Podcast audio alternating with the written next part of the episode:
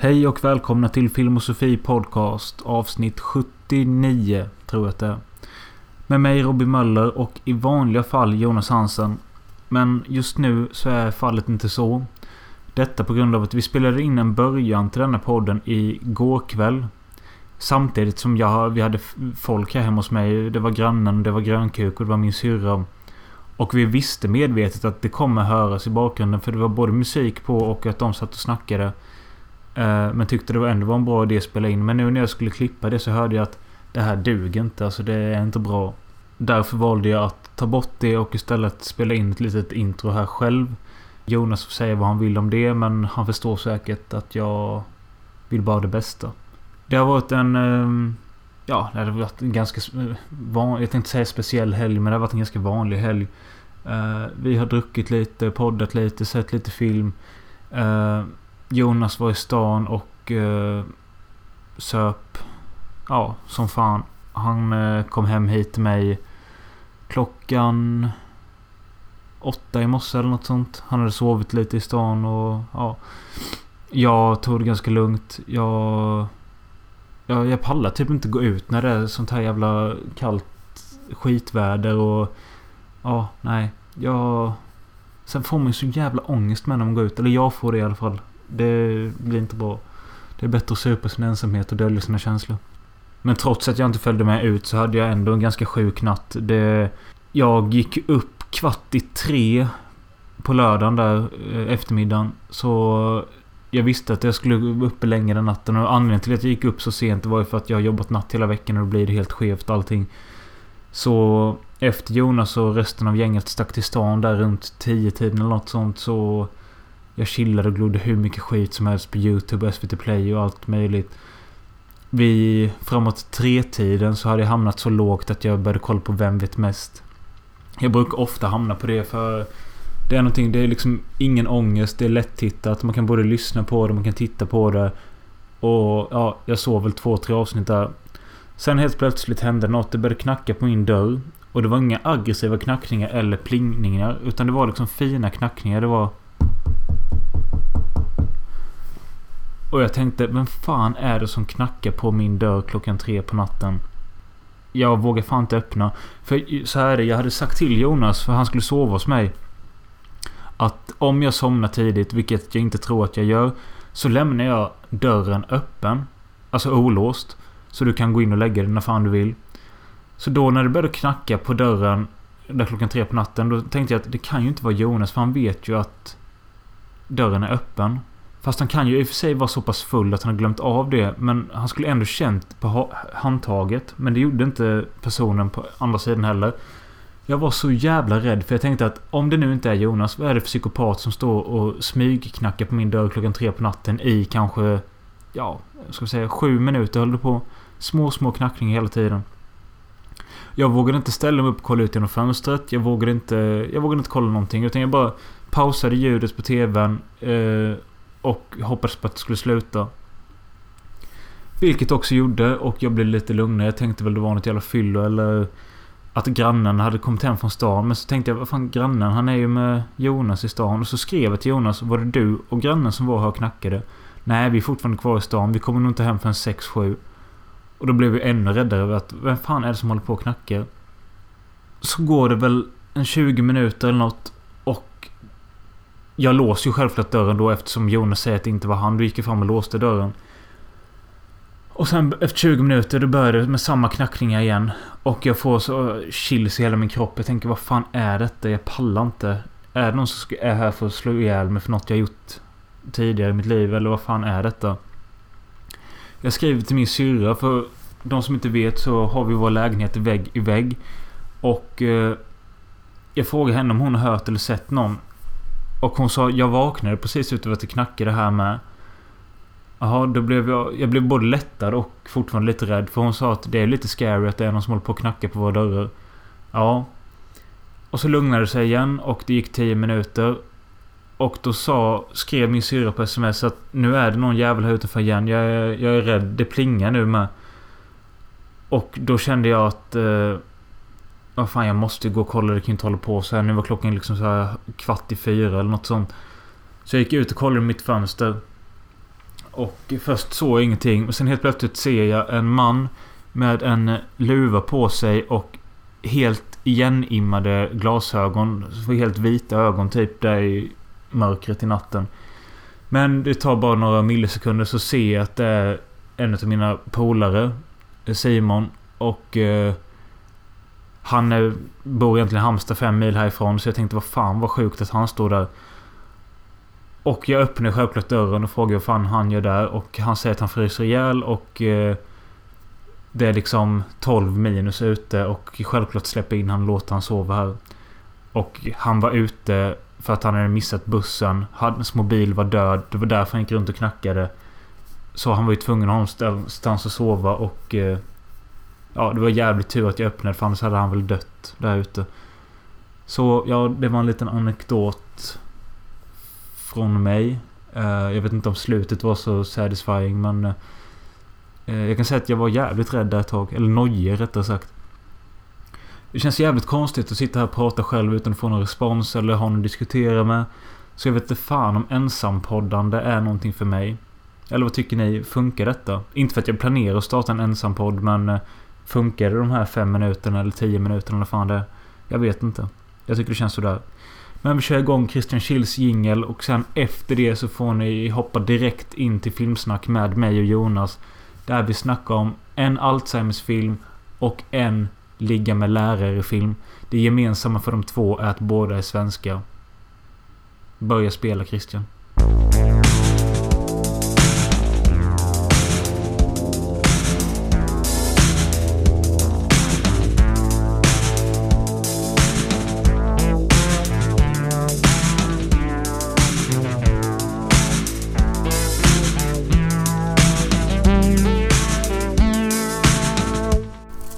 Lyssnare som heter Henrik. Eh, en kille som vi... Känner vi hans? Han, jag vet inte. Vi var iväg med han på Oktoberfest. Typ fem år sedan nu tror jag. Det var en speciell eh, helg. Jag minns två grejer. Ett.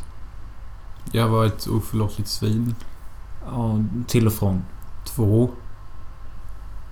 Jag hade det enda knullet i mitt liv som jag kan definiera som hundraprocentigt nice. Mm, jo. Jag kommer ihåg det med. Och att jag aldrig sett dig dricka så många öl. Eh, På vägen hem ja. Ja. På vägen hem söndag. Alla chillar för de har druckit öl i tre dagar. Jag köper ett 24-pack eller vad köper jag? Typ billigt sunköl på en sån bordershop. Eh, Ett flak 24 öl. Hinner dricka 20 öl innan han eh, somnar. Kommer till Sverige. Ja. Och eh, jag och Baggen får liksom hjälpa han ut för att han somnar och vaknar inte. Busschauffören får komma och hjälpa till och Så extrem jag dra, dra in han i din mammas bil. Och det, äh, det var pinsamt. Och jag fattar inte hur du kunde få i dig 20 öl. Du pissade inte. Och du spydde inte. Nej, det är sant. Det är helt sjukt. Jag fick ett jävla ryck. Alltså vi, i och för sig. Man bygger ju upp sin alkoholgrej. Ju fler dagar man dricker. mycket, eller? Du drack nog inte jättemycket de andra dagarna vi var i Nej. Bremen. Men eh, just den sista dagen där, helvete vad du klunkade. Mm, Men jag hade såna här... mm, Jag vet inte vad ordet är nu, men när man eh, har problem med att säga adjö. Separationsångest. Ja, men något sånt. Separationsångest från landet. Mm. Så jag ville bara vara kvar i Bremen typ, så... Jag kunde inte hantera det så bra typ. Så jag bestämde mig bara för supa. Det var också då jag köpte min första porrfilm där. Ja, det var ju pinsamt också. Jag tyckte det var mäktigt. Vi stannade till på en jävla mack för att folk skulle köpa dricka och fika. Jonas skulle in och köpa en porrfilm. Mm. Marlene sex eh, model. Men den är fan bra. Jag har sett hela, jag har sett extra materialet och den ligger i min låda hemma nu som ett minne typ. Ja, okej. Ja, det är ju fint minne ändå. Eh, jag är fan sugen på sticka till Bremen igen. Alltså på den Oktoberfest. Uh, det hade varit kul att göra en gång till. Mm. Mm, det känns inte som att du är så sugen. Jo, om jag träffar Eva igen om det var så hon hette. Jaha, okej. Nej, men i alla fall. Eh, Henke som följde med på den resan. Eh, han har önskat en film. Och jag kan nämna också att eh, han har Ja. sponsrat podden med eh, Swish tidigare. Och en annan lyssnare vid namn Jesper Åberg är en stödjare på Patreon. Så Ja, och honom. eftersom de var med på resan så kan jag ju passa på nu eftersom jag aldrig sagt det att... Förlåt. För det var nog mest er jag var taskig mot. Ja, jag skulle inte säga att det riktigt var taskig. Det var bara det att du, du var inte direkt trevlig eller öppen. Nej, och det definierar jag som att vara elak. Ja. Jo, det kan stämma. Men i alla fall, eh, uppenbarligen så tycker, du, tycker de att du är en bättre människa nu eftersom båda stöttar podden. Både ekonomiskt och eh, genom att kommentera och önska saker. Mm. Så, ja. Men i alla fall, Henke har då önskat en film jag aldrig, aldrig trodde jag skulle se igen i mitt liv. Och jag trodde definitivt inte att vi skulle podda om den. Och det är En sång för Martin. Det är någon form av drama från typ år 2000. Jag kommer ihåg min mamma hyrde denna på VHS och jag såg den med mamma och pappa. Då tyckte jag att fan vad detta är en vuxen jävla eh, typisk dramafilm. Allting är så jävla allvarligt och... Fan... Men jag, jag tänker att det inte är så. Nej men... För att svenska filmer är alltid roliga typ. Oavsett. Det, det Alltså... Jag kommer ihåg hur jävla tråkigt jag tyckte det var när jag var liten. Men så kom jag också på att fan, jag tyckte den var sorglig också. Det var någonting... Och sen då att min mamma berättade en grej som jag ska berätta efter vi har sett filmen. Om filmen. Mm. Men Henke som önskade. Han sa ju att... Ja, att den är ju sorglig så. Men den går att se som en komedi. Eller den går att se enbart det roliga i den också. Ja, Så jag tänker att vi ska försöka se det roliga i den här. För att se om vi kan hålla med honom. Eller om han bara är ett sadistiskt svin. Men jag ser ju alltid det roliga allt när jag tittar på film känns det som. Jo, men jag menar alltså jag vet ju att filmen kommer behandla Alzheimer och... Eh, med, tan- Jo. med tanke på att du arbetar med Alzheimers. Rätt mycket. Ja. Så kanske du bara tycker se, se det jobbiga i det men... i- Alltså, Nä. Alla filmer jag ser som berör Alzheimers brukar jag alltid fascineras över hur väl de fångar det. ja, okej. Vissa filmer har fångat det för väl och då blir det alldeles för jobbigt. Ja. Vi ska i alla fall försöka gå in med att se detta som en lättsam film mer än ett, något tråkigt. Jag, ty- jag, ska, jag ska göra det i alla fall. Jag förväntar mig en scen där de kanske käkar någon sån här tråkig söndagsfika och typ Sven Wollter ballar ur. För det är Sven Wollter där va? Ja, Sven Wollter och hans dåvarande fru Vivica Sedal. Men vi kör igång filmen. Du är det största och vackraste på denna jord, Martin. Alltid beredd. Alltid beredd. Ja, ursäkta att jag säger, men jag tycker att det är någonting som inte stämmer här i takt 239. Otänkbart. Vad skulle det vara? Hon är gift, du är gift. Ideman, jag respekterar dig som vän, men lägg dig för fan inte i det här. Martin? Hej du Barbara. Barbara, var ska du ta vägen? Nej, jag ville prata med dig.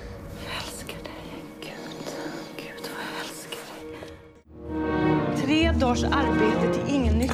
Kan inte bara försvinna in i dig själv. Hör du mig? Förstår du inte att det är förbannat plågsamt att se honom så här? Men tror du inte att Martin tycker det är plågsamt?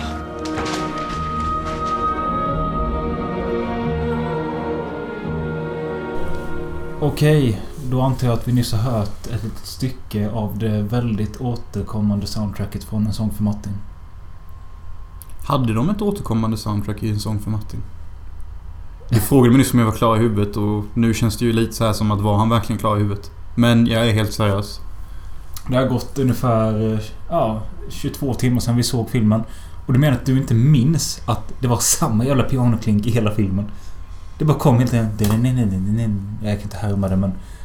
Du minns inte det?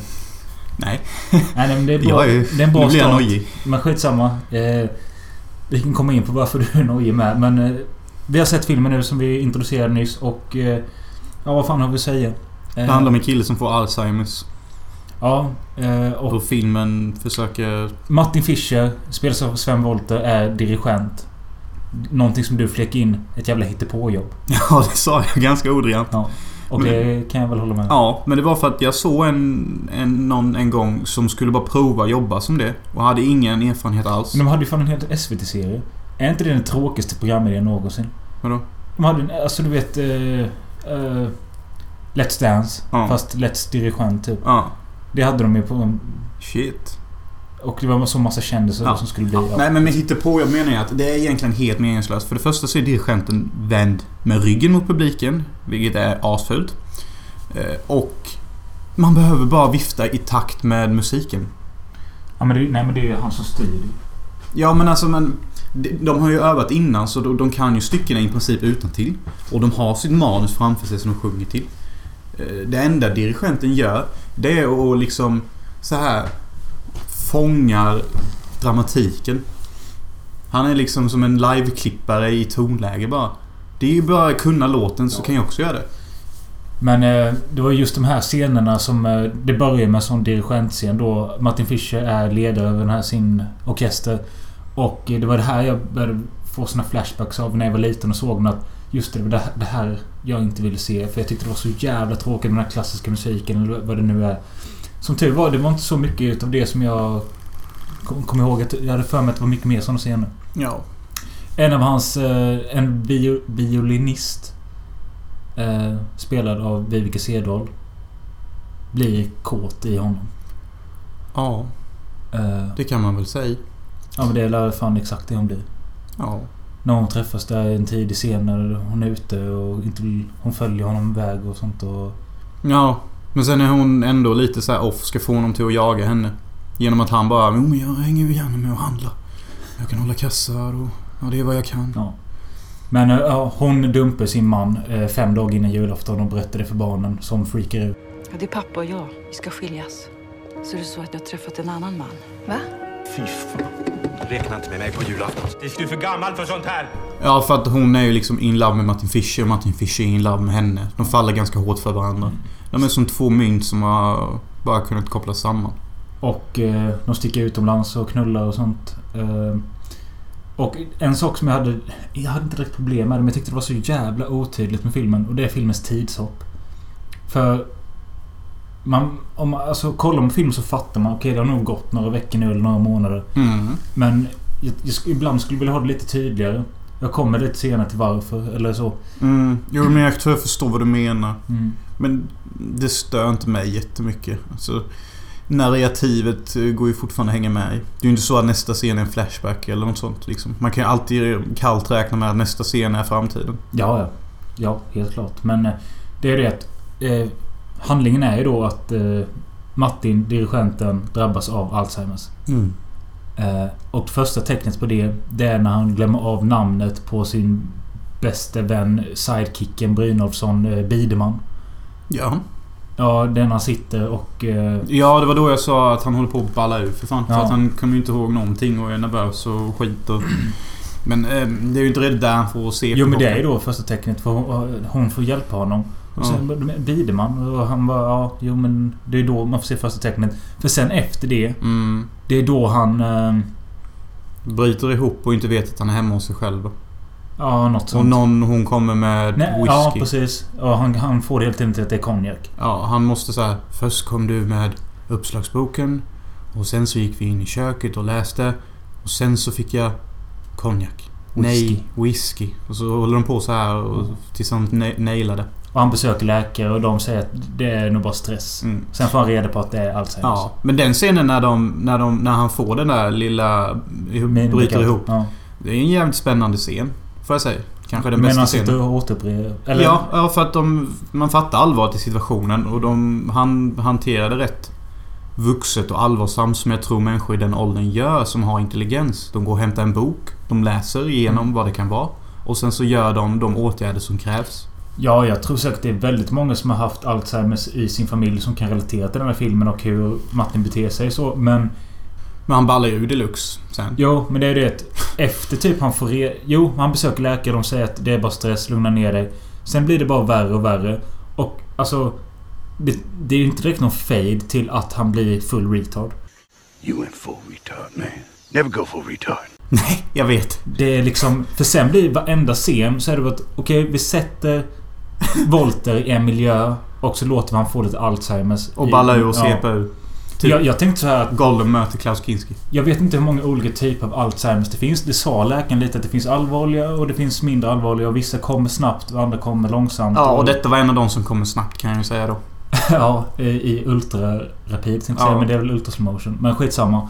Eh, för jag tänkte så här att det hade varit skönt så här med någon... Det, det kommer lite så här att... Är du nervös? Jag pratar väldigt fort. Men jag har druckit ingefärshot. Man blir inte pigg av det. Vänta lite, vi, vi tar 10 sekunders paus. Andas ett djupt med näsan. Andas djupt med näsan och ut genom näsan. Så här.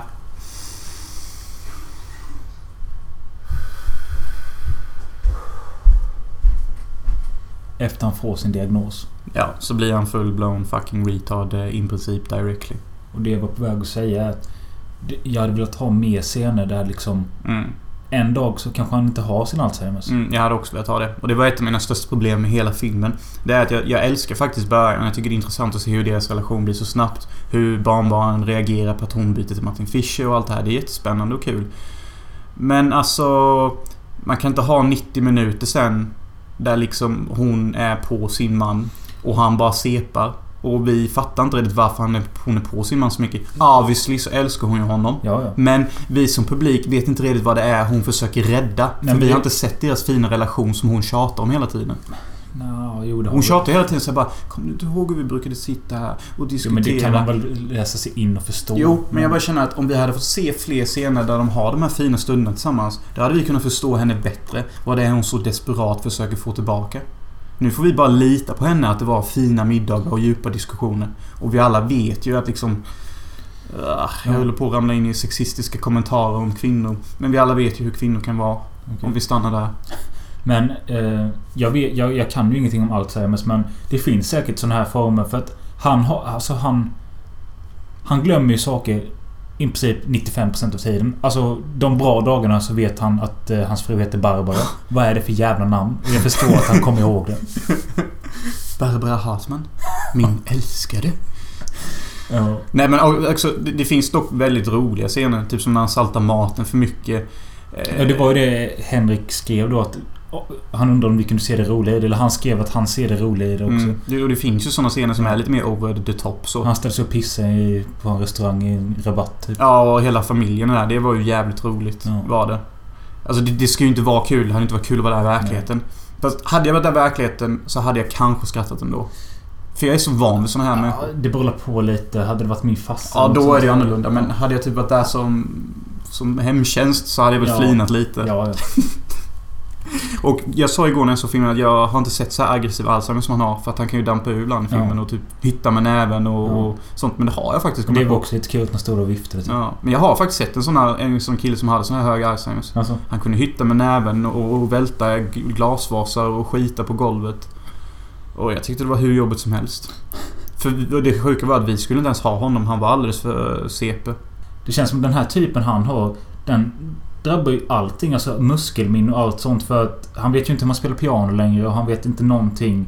Och han blir mer och mer en grönsak för att han... Till slut så kan han ju inte typ stå heller. Så det är hela han som försvinner ju. Mm. Och ett tag när han stod och typ kramade sin fru eller när hon kramade honom. Något, jag tyckte han var så jävla lik Doug i Twin Peaks säsong 3. Jo, lite åt det Han hållet. påminner lite om honom hela tiden faktiskt. Ja, faktiskt. Helt jävla borta.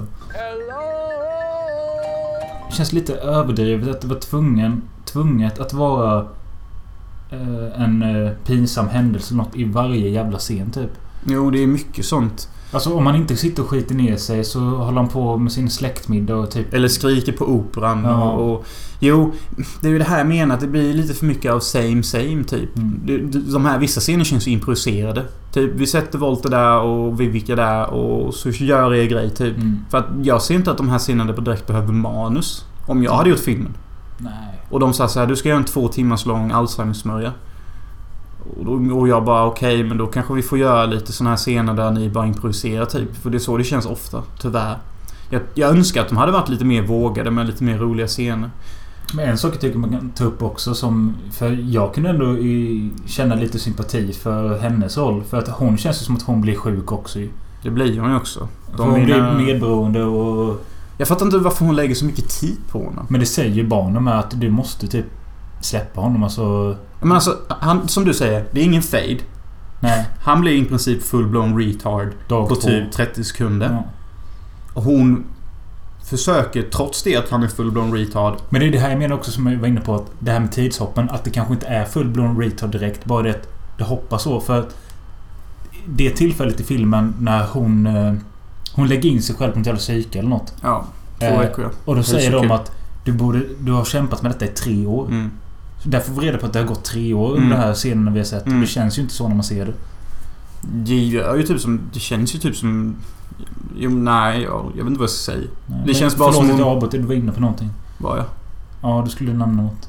Och när jag sa att eh, hon kände som att hon är sjuk och... Jag vet inte vad jag skulle säga. Någonting som är lite fint och tråkigt som jag nämnde men jag inte berättade innan vi såg filmen. Det är ju att eh, Vivica Cederhult och Sven Wollter var ett gift par på riktigt och hade varit tillsammans sen Raskens tror jag på 70-talet. Fan, jag trodde du skulle vara hårdare mot eh, Vivica. Nu när vi satt oss. Va? Nej. Men det kanske är bero, beroende på det jag ska säga nu. Okej, spännande. För hon var ju fucking döende under den inspelningen. Oj, Så i verkligheten var det han som tog hand om henne mellan scenerna. oj. Och sen spelade de in och då tog hon hand om honom. Ah, Denna filmen släpptes i januari 2001. Hon Ja. dog i oktober 2001. oj. Jag ska bara släppa in Novish. Det var ju...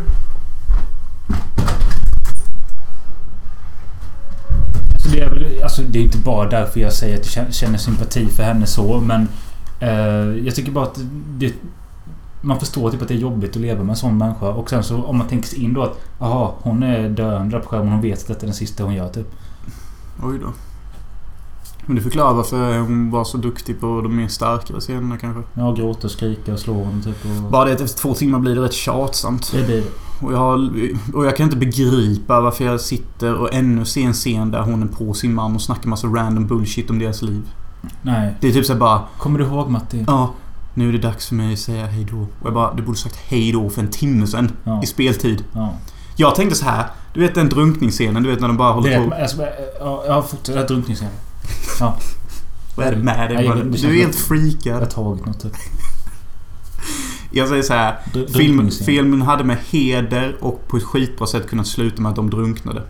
Då hade jag tyckt det varit en top notch film. Jag hade gett en fyra direkt. Det är en scen de, de håller på att drunkna Och det är ungefär en halvtimme efter han har gått full-blown retard. Mm. Så då känner man att okej, nu räcker det med full-blown retardness. Så då kan de lika bra avsluta det här. Istället för att dra ut på det en timme till. Mm. För det är inte så mycket som händer sista timmen om man jämför med första timmen. Däremot blev jag chockad när den slutade. För jag, alltså jag visste att den var två timmar men så... Mot slutet och så gick jag pissade och så kom jag tillbaka och det var sluttexten. Ja, jag kommer inte ihåg sista slutet. Men däremot, jag var ju rätt nojig under filmen för alltså...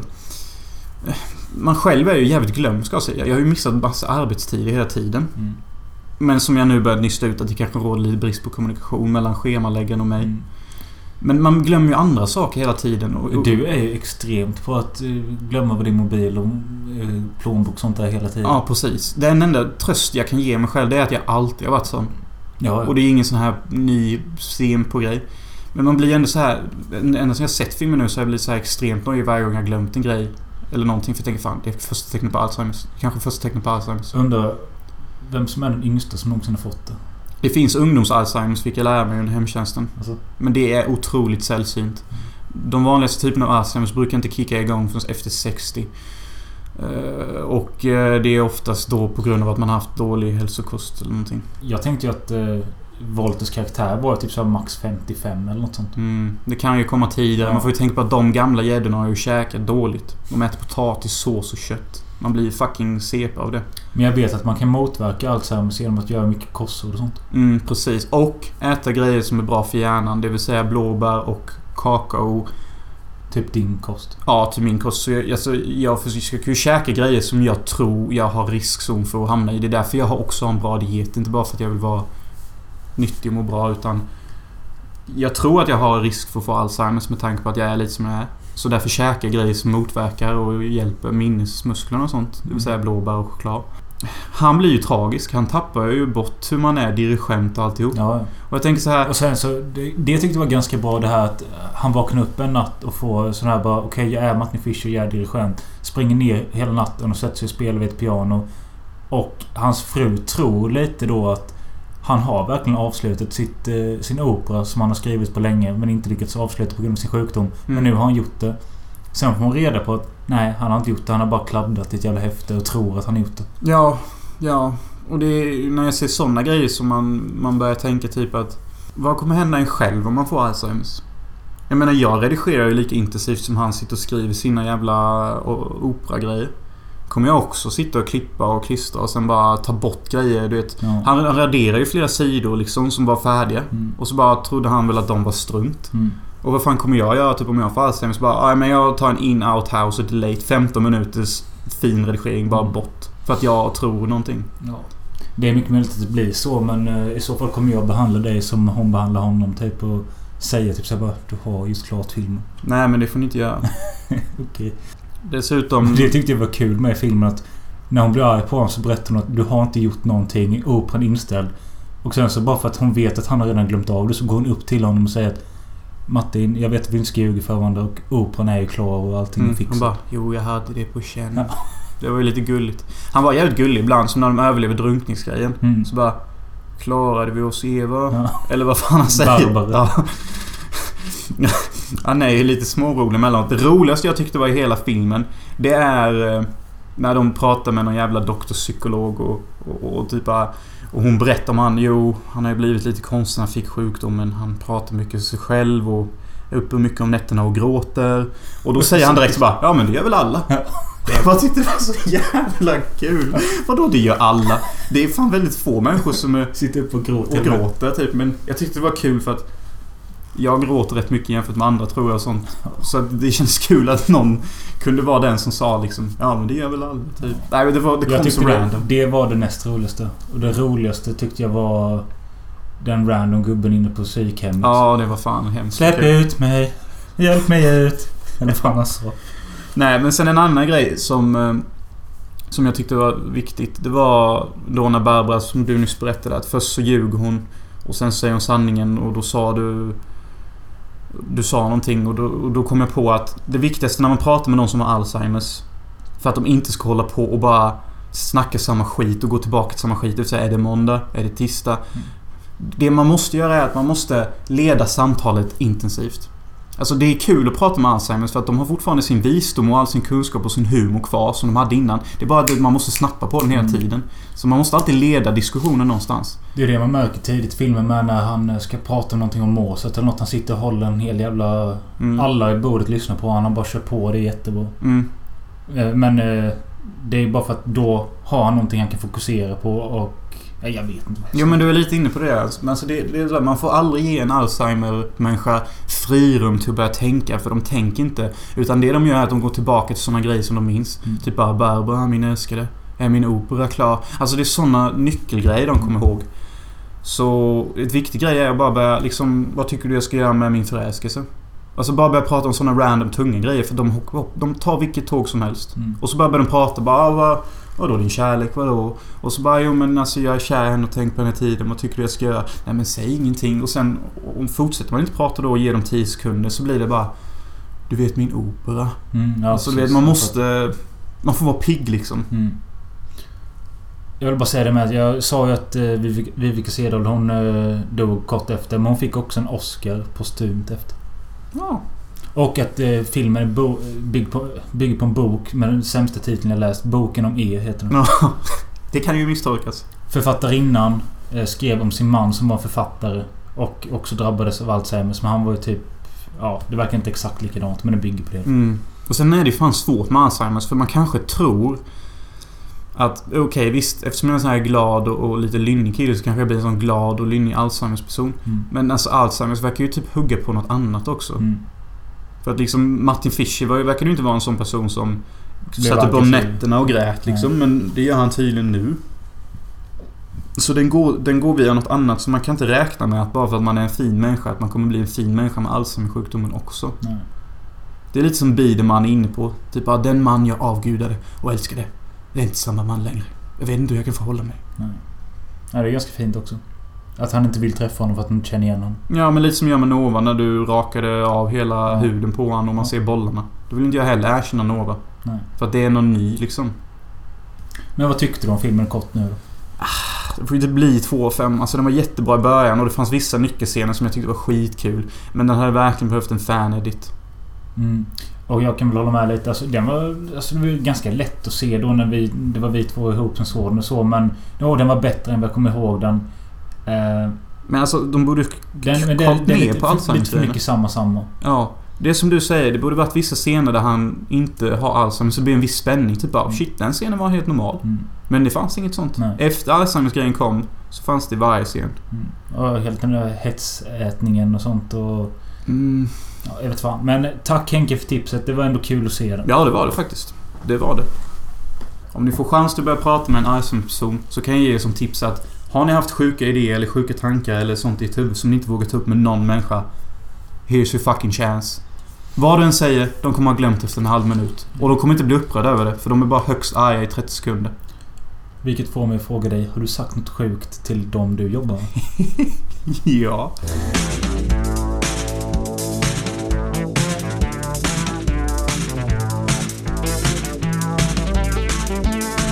Men vad står på eh, ytterligare en svensk film i denna podden idag? Nämligen Lust och fägring stor av Bo Widerberg. Och detta är ju lite av en reunion för mig och Mölle. För både jag och Mölle såg denna samtidigt tillsammans faktiskt. När vi gick i åttan eller någonting. Men jag, jag tror jag hade sett den redan innan. Ja, ja. Det, det kanske det är. Men eh, skillnaden är att då när jag såg den innan du och jag såg den tillsammans så såg jag nog aldrig hela. För mitt minne av den... Alltså säg att jag såg den kanske när jag gick i femman eller något sånt första gången. Mm. Och den gick på SVT. Så... Jag tyckte bara det var spännande för att eh, Johan Widerberg vill ligga med sin lärare och jag tror jag tyckte det var spännande att kolla på då. Jo, men det är ju väldigt spännande. Och likadant då när du och jag såg den när vi gick i åttan. Eh, men Hade vi en snygg lärare vi ville ligga med? Jag kommer ihåg att vi hade hon SO-läraren med rött hår. Hon brukade ofta ha höga boots.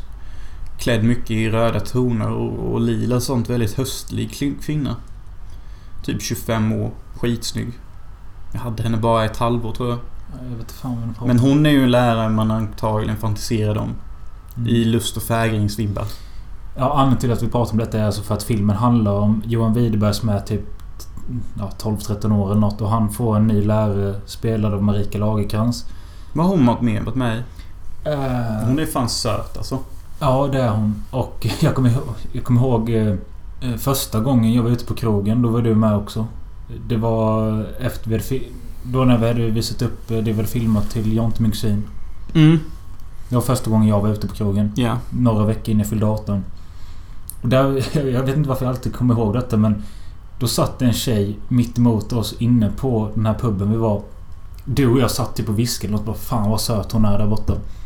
Och då vet jag att Jonte, kusinen, fl- flikade in med att hon ser verkligen ut som en ung Marika Lagercrantz. Det har jag... Det här låter som om din hjärna har efterfabrikerat lite. Nej, alltså jag minns det så jävla väl. Okej. Ja, det låter ju för otroligt för att vara sant. Men det är sjukt. Varför är det så otroligt? Att det är någon som är, som är lik henne? Jag vet inte varför det är otroligt. Nej. ja. Hur som helst. Det handlar om att han blir kär i sin lärare och eh, hur det utvecklas. Eh, Vi har inte sett filmen än utan detta är bara lite pre-pod talk. ja, vi har ju sett filmen förr. Men inte nyligen. Eh, men det är också... Jag vet ju att Thomas von Brömsen är med och jag har alltid gillat honom. Men jag för mig att filmen börjar bli tråkig den andra timmen. Det, jag har ju sett lite av den. Och kan inflika att jag tycker nog inte så är fallet. Nej, men det är det jag hoppas på att jag... För jag, jag tror att... Då när vi såg den som 14-13 Så var man för, man är för ung typ. Det, det, det, Man, man ville bara se det eh, kåta och sexiga mellan läraren och eleven. Man pallade inte med det här vuxna. Hur nej exakt. hennes relation är och sånt. Det, det, gick in, det gick över huvudet. Man ville bara se knull. Den neurotiska Mölle. Jag hoppas inte jag gör mig lika illa ljudform som jag gör mig här i rummet. Du har varit lite klurig att prata med.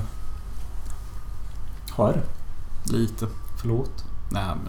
Det blir nog bra ändå. Men för det, ja, nu vet jag vad det beror på tror jag. Vadå? Men Jag drack ju två kaffe precis innan jag stack från jobbet. Oj. Ja, Det måste- märks. Ja. Ja, såna små eller mockastarka. Sen, sen så kom jag in hit och drack den där jävla shotten med ingefära. Varför tror du att ingefära är speedat? Jag vet inte. Du har sagt det tre gånger nu. Ja. Men ja. Det är ju kaffet antagligen. Mm.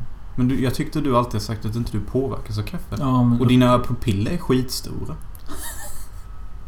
Nej, men vad... Vi, fan, vi ser väl filmen nu så återkommer vi om... eh, Ja, om, för er som inte vet vem den här skådisen här Möller nämnde så är det... Eh, Indiana Rolf Lassgård. Eh, Ja, nu med Johan Widerberg menar du? Pojken? Ja, ja. Ja, han är med i Under solen och... Det är han den där checka Kalle Anka-figuren. Ja, precis. Och han är ju Bo Widerbergs son. Och detta är Bo Widerbergs sista film. Han tidigare gjorde Kvarteret Korpen, Mannen från Mallorca, Mannen på Nu hänger taket, inte jag med. Är Bo Widerbergs sista film Lust och fägring eller Under solen? Lust och färg. Lust och fägring. Under solen är Colin Nutley. Ja, visst fan. Men Bo Widerberg är ju känd som typ den näst största regissör vi har haft efter Bergman typ. Fan vilket gap det är mellan de två regissörerna. Om han räknas som den näst bästa. Men jag tror det för att hans film eh, Kvarteret Korpen är alltid på topplistan av de bästa svenska jag har filmerna. sett den. Jag har sett den. Det är en sån eh, diskbänksrealism på 60-talet om en kille som blir författare. Hans pappa är alkis. Och han vet inte om han pallar satsa på boken. Sen, han gjorde en film som heter Barnvagnen. Som jag inte sett men det ska också vara något sånt om hur det är att få barn och leva i misär typ. Fy fan. Och sen då Man från Mallorca polisfilm med just Thomas von Brömsen och eh, Sven Wollter som vi nämnde. Mm. Den är bra och Mannen på taket är ju en stor svensk film. Alltså det är Beck fast från 70-talet. Mm.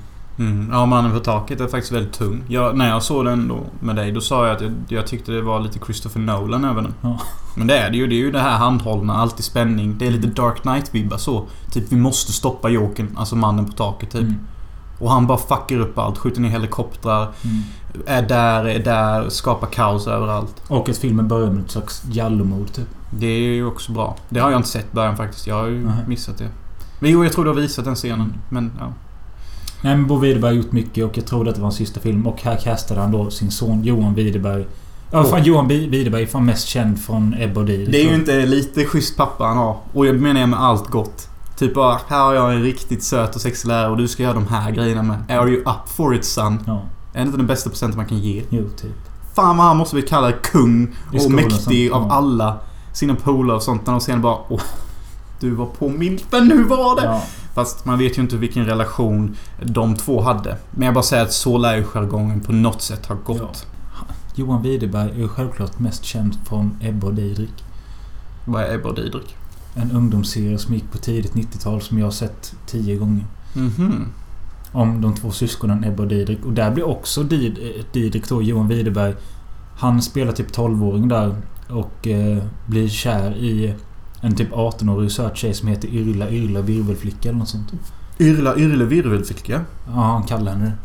Kan du förklara för mig vad peppa peppa salt salt menas med? Nej, men Peppa Peppa vet ju. Mm. Ja, men det är ju alltså... Jag har inte fått influensan än. Peppa Peppa. Vad fan? De håller på så på på mitt jobb. Jag blir fan nervös. Vad fan menar man? Ja, men det är att säger du Peppa Peppa då... Det är som en slags... Gör du det efter du har sagt att jag har inte fått influensan än. Då får du inte det. Ja. Om du knack, knackar i bordet. Äldre människor och deras gimmicks. Men det här Peppa Peppa Salt Salt är nog något du har fått Ja, själv. men det är... Ja, det är minst. Kanske var på restaurang och någon sa peppar, salt, peppar, salt. Skitsamma, nu rullar vi filmen innan jag får något jävla psykosutbrott.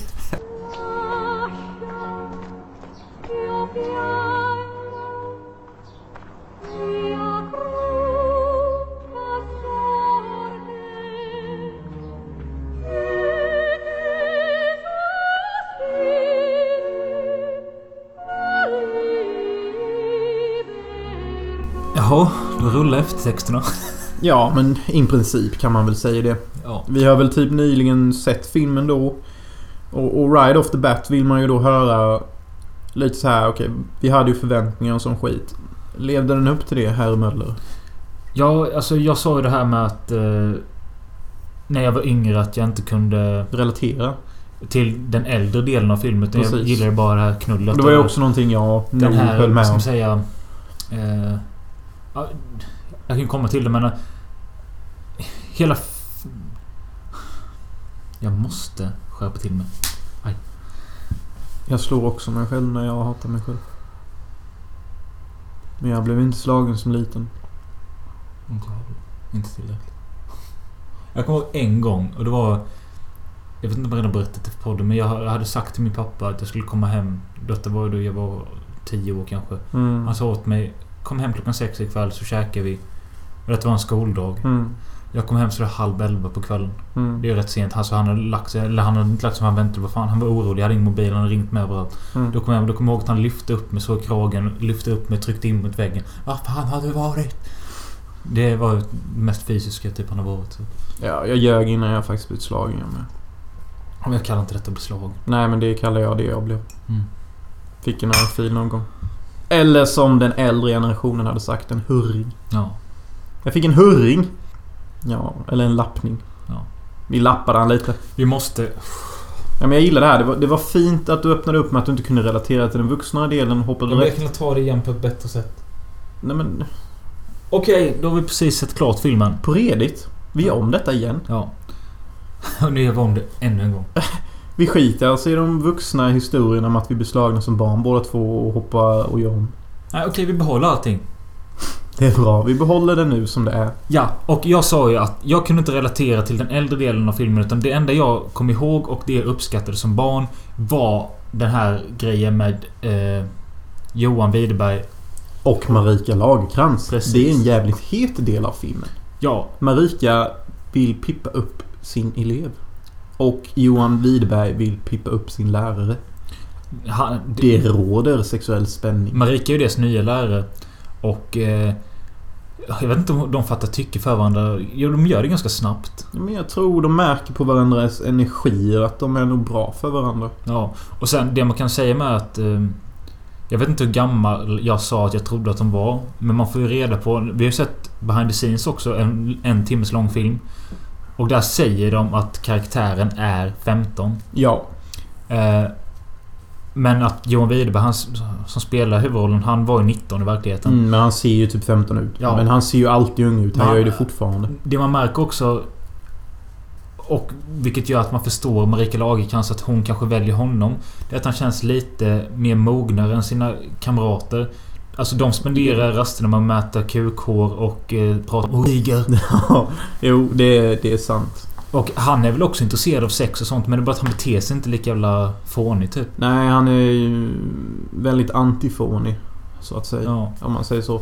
Han är ju i princip en ganska... Han är en ung vuxen man typ. Ja. Ja. Det är han. Och han är ganska stabil så. Alltså, jag kan ju säga så här att visst, jag kan relatera mycket till hur han är. Men jag var inte alls lika stabil som han. Nej, nej. Och vi vet ju redan att det kommer bli en relation mellan... Vad fan hette karaktären? Fan heter Kan vi inte kalla henne Gisela? Nej men han. Jaha. Nej, jag vet inte vad någon av dem hette. Sigge? Nej, Stig hette han. Stig. Ja. Jo, det jag tycker funkar fortfarande som jag kommer ihåg från när jag var liten. Fast då kunde jag inte sätta så pass bra ord på det. Kan du det nu? Ja, men det är att det finns eh, känslor mellan dem. Alltså bara med blickar och sånt i klassrummet. Väldigt fint. Kemi Och det. som de pratar om i extramaterialet med att de fokuserar en bild väldigt mycket på hennes nacke. Mm. Och den, den bilden går igenom skärmen med för man förstår när han står över henne och tittar ner på hennes nacke att det blir en sån här Sexuell spänning. ja, erotisk Hon känsla. är ju en jävligt sexig nacke. Ja. Går ju inte sopa under mattan. Hon Nej, har ju jävligt precis. fina knäskålar också. Och jag tyckte verkligen om det för att då när han går ner och tittar ner på henne. Mm. Då är det handhållen kamera och man ser att... Men det blir alltid handhållen kamera när det typ är sexuell spänning i luften. Och det tyckte jag funkade så jävla bra för man ser liksom att Okej, detta är typ ur Stigs perspektiv. Att han är lite skakig och då är kameran lite... Ja, men det är lite så här obalans i luften. Ja. Det känns väldigt likt när man själv är med i sexuellt spända lägen med en annan kvinna. Att det, blir en annan vibration i rummet. Det Ja. blir nästan handhållet. Det är en jättefin vinkel på hennes rumpa när han följer med henne upp till att hämta kartor exempelvis. Ja, det är då första gången de hånglar. Ja, och jag har alltid uppskattat hur jävla lätt deras romans inleds. I vanliga fall brukar det vara så här bara nej. Vi kan du inte göra lärare, du elev. Men det här är liksom, nej men det är ingen fråga. Vi har någon... Vi gillar varandra fan i mig och vi ska fan hångla. Mm. Jag skiter i de här jävla reglerna. Ja. Det blir en grej att vi gör det framför näsan på alla, under alla, medan alla är runt. Och en Det- sak som vi måste nämna som vi inte nämnde i försnacket heller. Det är att detta utspelar sig någon gång på 40-talet tror jag. Ja, 1943. Ja, det är någon där i krigstiden typ. Ja, det är under andra världskriget. Ja, precis. Ehm. Hjälp mig ta filmen fram. Men, du missar historielektionen. Ja, men Stig, förutom då att han eh, ligger med henne så jobbar han också på biograf. Och där får vi lite roliga citat. Det man hör någon... Eh, han jobbar som godispojke. Och det var ju jävligt kul när man hör någon gubbe skrika Ska du ha hela lådan din jävla kärring? Ja men det är ju sån jävla random försäljningsidé. Liksom Ja. så här, vi låtsas att filmen går sönder så någon måste laga filmrullen i en minut. Och Då- under tiden det händer, ja men då kan vi ha en liten söt pojke som säljer choklad till alla. Vad Ja. lägligt. Alla ser igenom det. Ja, precis. Och ingen vill ha Nej, det. och alla bara Sätt på filmjäveln för fan. Din jävla gottegris. Ja, så är det ju någon såklart som bara Jag vill ha choklad. Ja. Och då säger någon Din jävla gottegris. Ska du ha hela lådan eller? Jag vill också ha. Ja, håll käften på dig. Sätt på filmjäveln, pågjävel. Ja. Det är jävligt roligt är det. Eh, Och eh, Stig Oxenbro spelar Björn Kjellman som är i någon jävla flotta eller något och även boxas. Eh, och det är Just det, det gör han. också fin scen när de ligger och pratar där på pojkrummet och eh, han... eh, Björn Kjellman har legat med någon jävla halvtaskig brud. Och Stig, Johan Widerberg, säger då till honom vad... Hon kanske sa att han hade syfilis. För att han inte förstod vad hon sa. För hon pratade danska och det tyckte vi var kul med. Ja, det var jättekul. Men du är stressad va? Nej, det är bara det att jag vill att eh, det ska bli bra det här. Jo, jag märker det. Du hoppar typ från poäng till poäng nu antagligen. är har byggt upp i huvudet om filmen. Nu pratar vi om filmen som du vill. Så flikar jag bara in när jag känner att det finns ett läge. Vi kan prova den approachen. För jag tror... Ja, vi provar det. Det är bra du sa det Möller. Ja. Vad fan vill jag prata om i denna filmen? Jag känner att jag vill prata... Då blir det så här istället. Nej, men, men främst om... Det råder någon slags lättja i filmen jag uppskattar som fan. Och vad menar jag med det? Jag menar att jag gillar... Men som sagt, jag, som jag, jag gillar det här innan att de inleder romansen så ångestfritt. Och att det fortsätter vara ångestfritt. Väldigt, väldigt, väldigt länge. Och jag, var- jag är tvungen att avbryta nu. För att jag tycker det är så typiskt. För efter de har börjat knulla en, två, tre gånger. Då är de som i alla filmer. Och säkert att det är så här i verkligheten med. Men jag förstår De är jävligt lätta med det. De är så jävla oförsiktiga. Alltså liksom... Jo men det märkte jag med. Det kommer typ så fyra scener på raken där de nästan blir tagna. Och man bara säger så här. Chilla filmen. Vi fattar att de har släppt på löken lite. Ja. Men det här, det är så mycket hela Ja. tiden. För att Marika Lagercrantz har ju en man. En, Som bor hemma hos henne. De är Ja. typ inte ens ihop. en försupen... Ja, Thomas von Brösen eller vad fan han heter. Brömsen. Han säljer saker. Han säljer nylonstrumpor och Ja. blommor och säkert alkohol vid sidan av. Ja. Och han har ett gökur. Som spottar gin. Ja. Oblandat gin till Ja. och med. Det är inte dumt det. Uh, nej, och de eh, blir ju till och med påkomna till honom. Ja. Han fattar väl. Ja, men han bryr sig inte. Nej, det är också en jävligt intressant reaktion. Att han ser henne, honom komma in i morgonrock i hans hem. Antagligen precis lagt sperma på okänt kroppsyta på henne. Eh, och han sitter där helt jävla försupen och bara... Ja, du behöver inte förklara. Om unge här inte insisterar då förstås. Ja. Sätt dig. Sätt dig. Ja. Så spiller han ut sitt gin och... Ja. Vad får inte herr säljare se när han sitter i sin bil? Ett par nylonstrumpor. Varför får han inte se det typ? Men du, nej. För vet du vad det är med den historien? Ja, det är att de är begagnade. Nej, för att jag lyssnade och tänkte om. Man Okej, berättade det. okej. Det han berättar i den scenen när han fått reda på att de har legat. Mm. Det är att han har haft ett par nylonstrumpor i sin bil. Mm. Som hon har hittat. Mm. Och trott att han har knullat. Mm. Och därför säger han till eh, Stig då att... eh, Skulle du tro på mig eller något som skit. Och det han menar är att... Marika Lagercrantz har på, sagt att han har varit otrogen genom att hitta nylonstrumpor. Men det är inte sant. Men det blev ändå kris där. Och sen är Va? Ja, så fattade jag det som. Nej, alltså han fattar ju att han ligger med honom. Jo, Eller jo. henne. Eller vad fan vi nu pratar om. Ja, men det är bara att... Hon tror att han har varit otrogen innan. Nej. Va? Ja, Varför tror du det? så fattade jag historien. Den som han berättar alltså. Jag vill bara inflika här att detta är ett jävligt underligt sätt att prata om lust och fägring. Ja, det är det. Vi hoppar direkt ut till en, en händelse som hände en timme in. Ja. Alltså, alltså den här mannen introduceras ungefär 40 minuter in i filmen. Ja. Och, och, och, liksom det här med att han kommer på honom. Det kanske är en sån här bit man, man håller under. Men detta är också en film från typ 96. Fem. Ja, precis. Så det är lite så här typ att Hugg gifsa fuck om vi spoilar lite. Det är en jävligt rolig scen i alla fall. Första gången han träffar på Thomas från Brösen. För att han har ju då precis legat med läraren. Och så kommer han ut i köket och ska hämta saft eller vad fan som helst. Och så stöttar han ju på Thomas där. Ja. Och så får de ögonkontakt typ. Och, och då börjar, börjar han som vilken man känner sig pressad och börjar prata med all möjlig random skit. Ja. Så typ bara Ja, eh, vi drack kaffe. Eller ja, Ja. magistern drack kaffe och jag drack saft. Ja. Eh, och så står han där och säger all möjlig random skit. Och anledningen till att eh, från Brömsen då alltså köper det här det är för att eh, Marika har tydligen extra lektioner Ja, hemma. hon har ibland. privatelever. Så hon, han tror att Stig är bara där för att ta extra engelska. I engelska. Och det är så jävla kul när han går sen. Och, och brösen till Marika bara Du får fan ta det lite lugnare med de där eleverna. Ja. Han är ju ett jävla nävrak. Och så bara skrattar Marika och Mm. tänker typ ja jag knullade honom jävligt hårt. Ja. Det är alltid sånt med henne.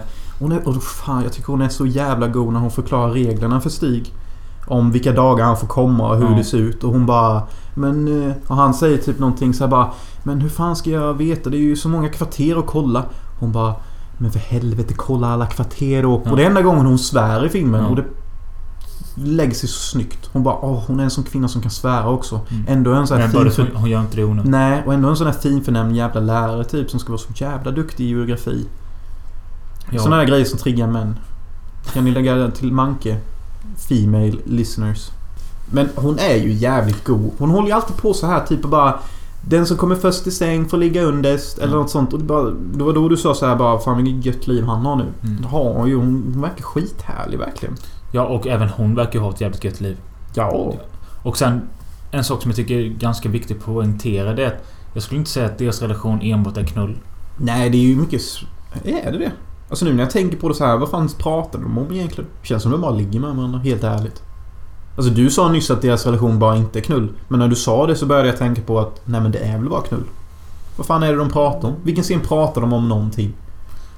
Nej, det har du berättat. Nej men det känns som att de tycker om varandra mer än Ja, vad- jag förstår vad du menar. Hur de interagerar och är med varandra får Mm. man ett väldigt så här att, ja... De, de kan nog prata väldigt fint mellan varven. Ja. Alltså samlagen och... För som sagt, jag kan inte minnas att de hade en enda scen där de pratar djupt om någonting in... Alltså, Nej, jag vet inte. eller någonting. Alltså, desto mer jag tänker på filmen, desto mer känns det bara som att de ligger... Sen så har han en stund med den alkoholiserade Thomas von Brösen. Sen så ligger de lite, sen så pratar man med honom igen. Sen så händer något på skolan.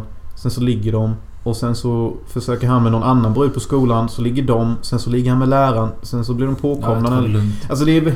Alltså, Men jag skulle också säga så här att hela för, första timmen på filmen är ljus.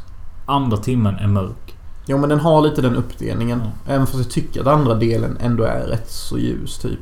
Den blir ju lite mörk. Det finns ju en scen där Stig då, Johan Widerberg, känner sig jävligt pressad av alla relationer han har på gång. Han har ju både en relation med sin någon jävla flicka i hans klass. Mm. Både med läraren och samtidigt så är han någon form av surrogat Son. eh, till Thomas von Brösen eller någonting. Brömsen. Ja, Brömsen. Så han går ju själv och dricker ett glas oblandat gin. Ja. Bara för att handskas med situationen. Och jag tycker det är en sån briljant scen. För den visar verkligen hur snabbt man kan gå in i den deprimerade delen av vuxenlivet. Ja. Om man inte är beredd på det. Jag tycker det är den mest talande scenen i hela filmjäveln. Ja. Faktiskt när han bara sätter sig i det där ensamma båset och snor lite gin. Mm. Jag vet inte om det är för hans fossa eller Thomas, det spelar ingen roll. Men det är på sättet han klunkar den också. Hela direkt. Och bara upplever något form av gott ångestladdat rus. Och det är som du säger, men det är en tjej i hans klass som är lika gammal då. Och hon är intresserad av Stig och vill ligga med honom, vilket de också gör. Och jag Det är kul var- hur du sa bara Fan sikta på läraren alltså. Ja, men det var fan...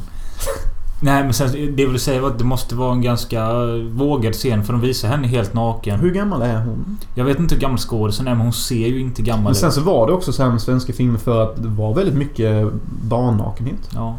Alltså i svenska filmer. Jag vet att något av de kändaste, kändaste exemplen är Barnens ö från 1980 någonting. Där de visar huvudkaraktären, han är typ 11 år. Han, hans kuk är näbb eller något sånt. Det är så jävla speciellt att du vet det. Barnens ö. Låter som en jävla pedofilsk våtadröm. Nej men det var någon sån ungdomsfilm från... Barnens ö. För dig som är pedo. Ja, verkligen. Nej men alltså vad fan kan man säga om filmen? Det, det, det, det är en skön, skönt drama som ändå har något form av intressant djup till sig. Ja, jag har ju skrivit att eh, filmen kanske inte nödvändigtvis är realistisk. För det känns nästan surrealistisk ibland. Eh, alltså, du vet det är någon jättekonstig scen när det kommer eh, flygplan över skolan och skit. Och, Ja just det, det blir kaos och alla Ja. ramlar över varandra och Ja. sånt. Det är lite och random. då kände jag bara, är detta David Lynch eller vad fan är detta? Ja men sen fick Så du... därför, nej, men därför, när jag såg den så satt jag och tänkte så här. Okej, det är inte realism, men det är mänskligt. Det är det filmen är. Den är mänsklig, för karaktärerna är mänskliga och de går att relatera till. Mm. Och från Brömsen, han har... I någon scen har han jättemycket ångest. Han sitter med samurajhatt och bara super... Du skrattade ju som fan när han däckade. Ja men jag tyckte det var så jävla bara att Nu är han så långt ner på botten och det är fan kul alltså. han spiller alkohol, häller upp flera glas och sen så när han däckar så typ bara...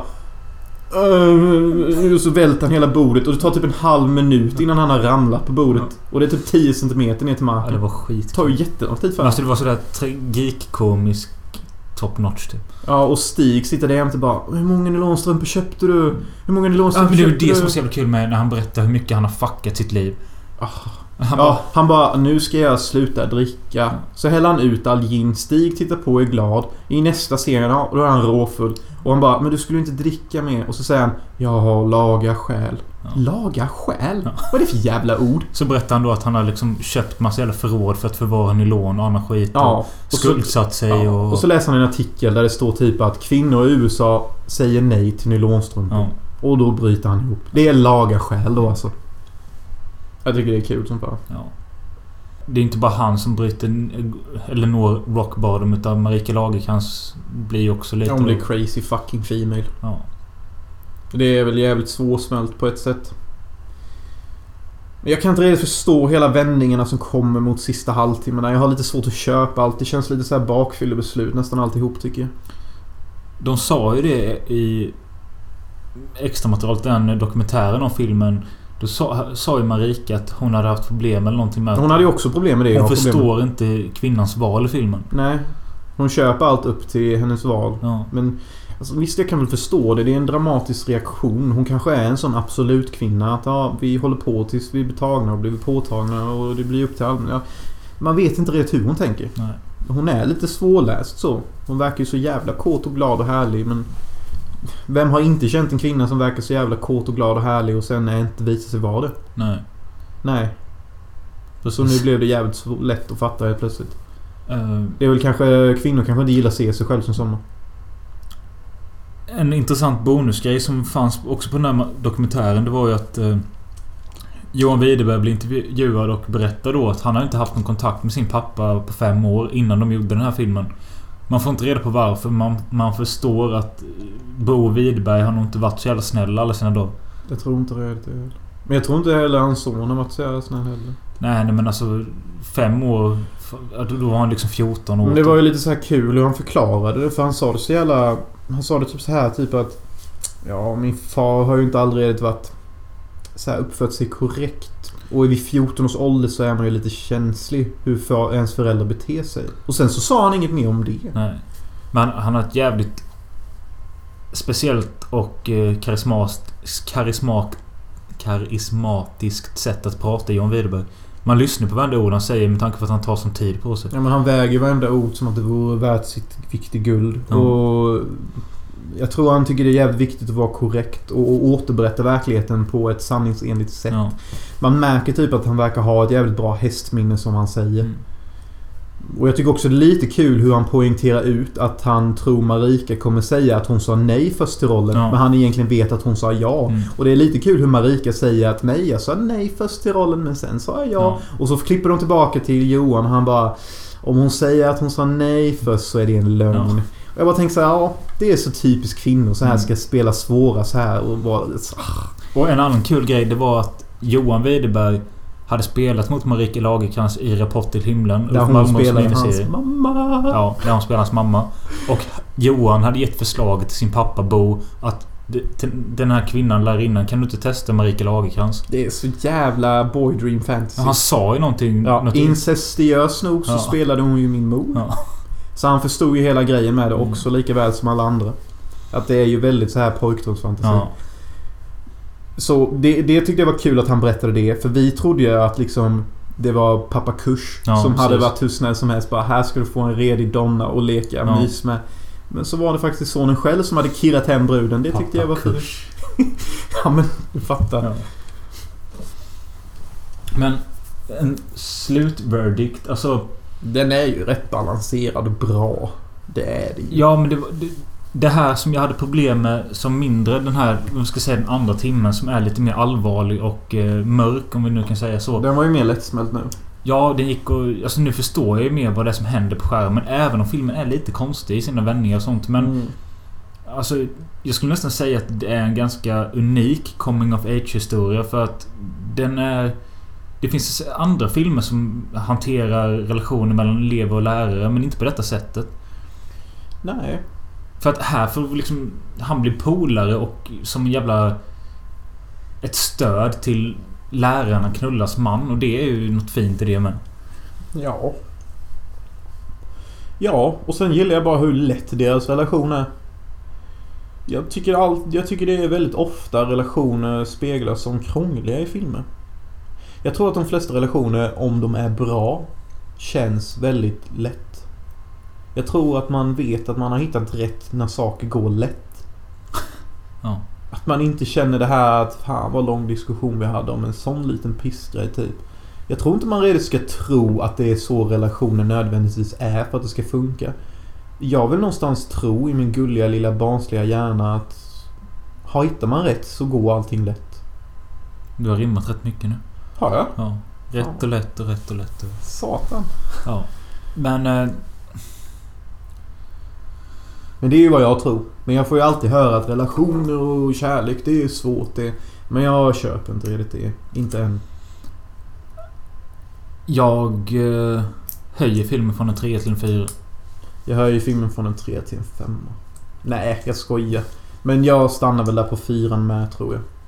Jag kan väl tycka att den blir lite seg emellanåt utan att vara, ha behov av det. Mm.